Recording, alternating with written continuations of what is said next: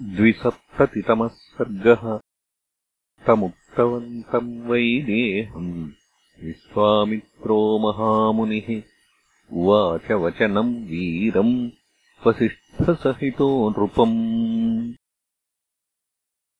अचिन्त्यान्यप्रमेयानि कुलानि नरपुङ्गव इक्ष्वाकूणाम् विदेहानाम् नैषान्तुल्योऽस्ति सदृशो धर्मसम्बन्धः सदृशो रूपसम्पदा। रामलक्ष्मणयोराजन् सीताचोर्मिळया सह। वक्तव्यम् च नरः श्रेष्ठ श्रूयताम् वचनम् मम।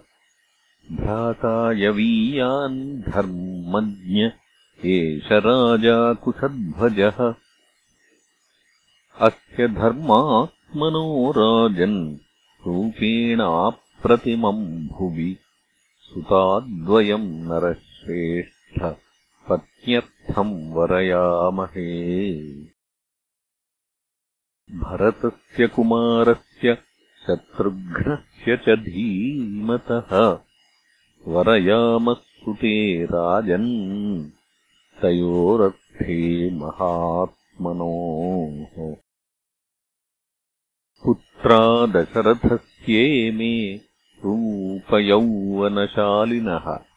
लोकपालोपमा सर्वे देवतुल्यपराक्रमाः। उभयोरपि राजेन्द्र सम्बन्धेनानुबध्यताम् इक्ष्वाको कुलमव्यग्रम् भवतः पुण्यकर्मणः। विश्वामित्रवचः श्रुत्वा वसिष्ठस्य मते तथा जनकः प्राञ्जलिर्वाक्यम्। उवाच मुनिपुङ्गवौ। कुलम् धन्यमिदम् मन्ये येषाम् नो मुनिपुङ्गवौ। सदृशम् कुलसम्बन्धम् यदाज्ञापयथः स्वयम्। एवम् भवतु भद्रम् वः कुशध्वजसुते इमे। पत्न्यौ भजेताम् सहितौ शत्रुघ्नभरता उभौ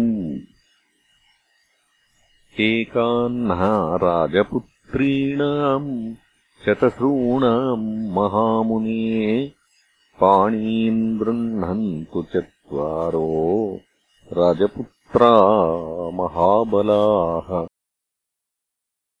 उत्तरे दिवसे ब्रह्मन् फल्गुनीभ्याम् मनीषिणः। वैवाहिकम् प्रशंसन्ति भगो यत्र प्रजापतिः।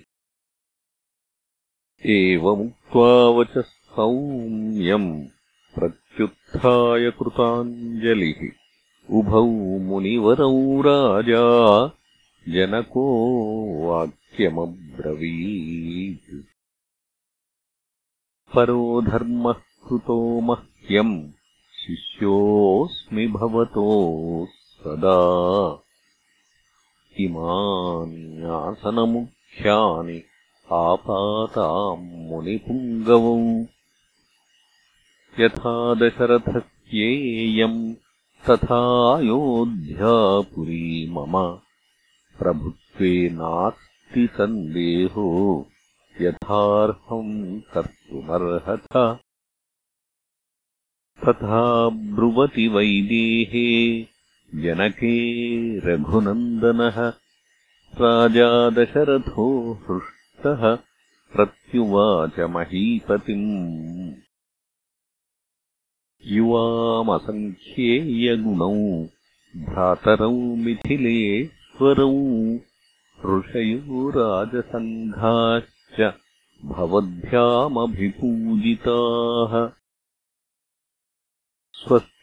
प्राप्नुहि भद्रन्ते गमिष्यामि स्वमालयम्। श्राद्धकर्माणि सर्वाणि विधास्यामीति चाब्रवीत्। तमापृष्ट्वा नरपतिम् राजा दशरथस्तदा मुनीन्द्रौ तौ पुरस्कृत्य जगामाशु महायशाः। स गत्वा निलयम् राजा। श्राद्धम् कृत्वा विधानतः। प्रभाते काल्यमुत्थाय।